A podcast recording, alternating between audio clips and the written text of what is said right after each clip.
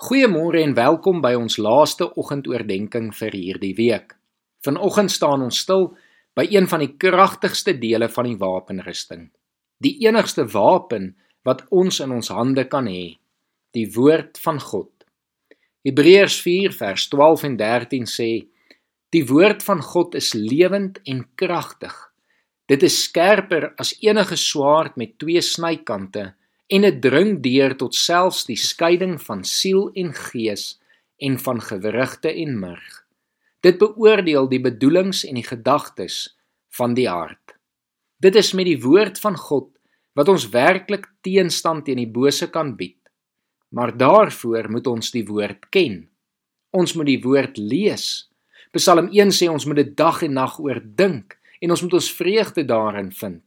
Deuteronomium 11 vers 18 tot 21 sê: Hierdie woorde van die Here moet julle lewe vul. Julle moet dit as herinneringsteken vasbind aan julle hande en dit moet 'n merk op julle voorkoppe wees. Leer dit vir jou kinders deur met hulle daaroor te praat as jy in jou huis is en as jy op pad is, as jy gaan slaap en as jy opstaan. Skryf dit op jou deurkusyne en op jou stadspoorte dan sal julle en julle nageslag lank ja solank as die hemel en die aarde bestaan bly woon in hierdie land. Deuteronomium sê ons moet dit vir ons kinders leer en hulle toerus met die woord van God. As ons by die huis is as ons op weg is in die oggend en in die aand ons moet dit deel maak van ons lewens op ons deurkusyne dit skryf en op ons voorkoppe dit vasmaak as 'n teken.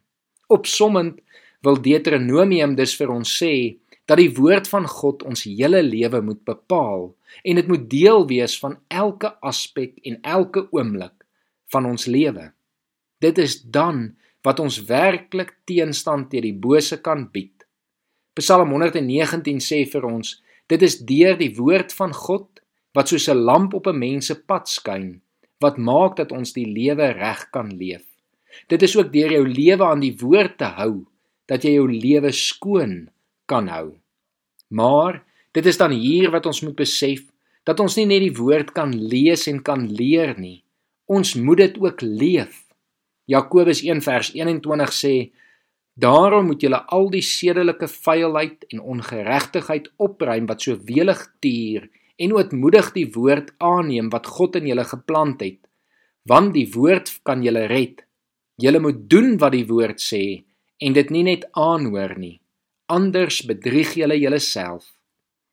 Mag jy die woord as swaard in jou hand neem vandag en mag jy glo dat die woord in elke situasie vir jou gebruik kan word.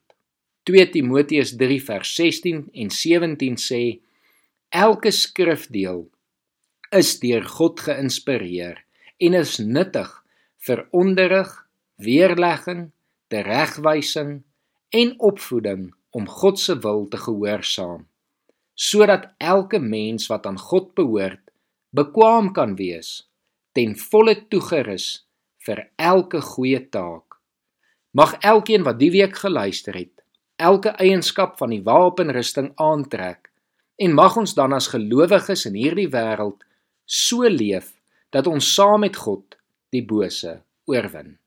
Kom ons bid saam Here ons dankie vanoggend spesifiek vir u woord dat u woord daar is om ons te lei en ons toe te rus dat u woord daar is sodat ons kan vreugde vind in u in die boodskap wat u vir ons gegee het.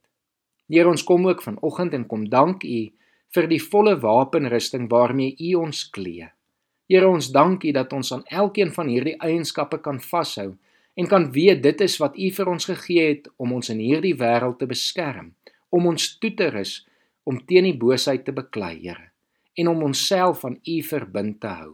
Ons dank U daarvoor en ons loof U daarvoor, Here. Ons bid dit alles in Jesus se naam. Amen.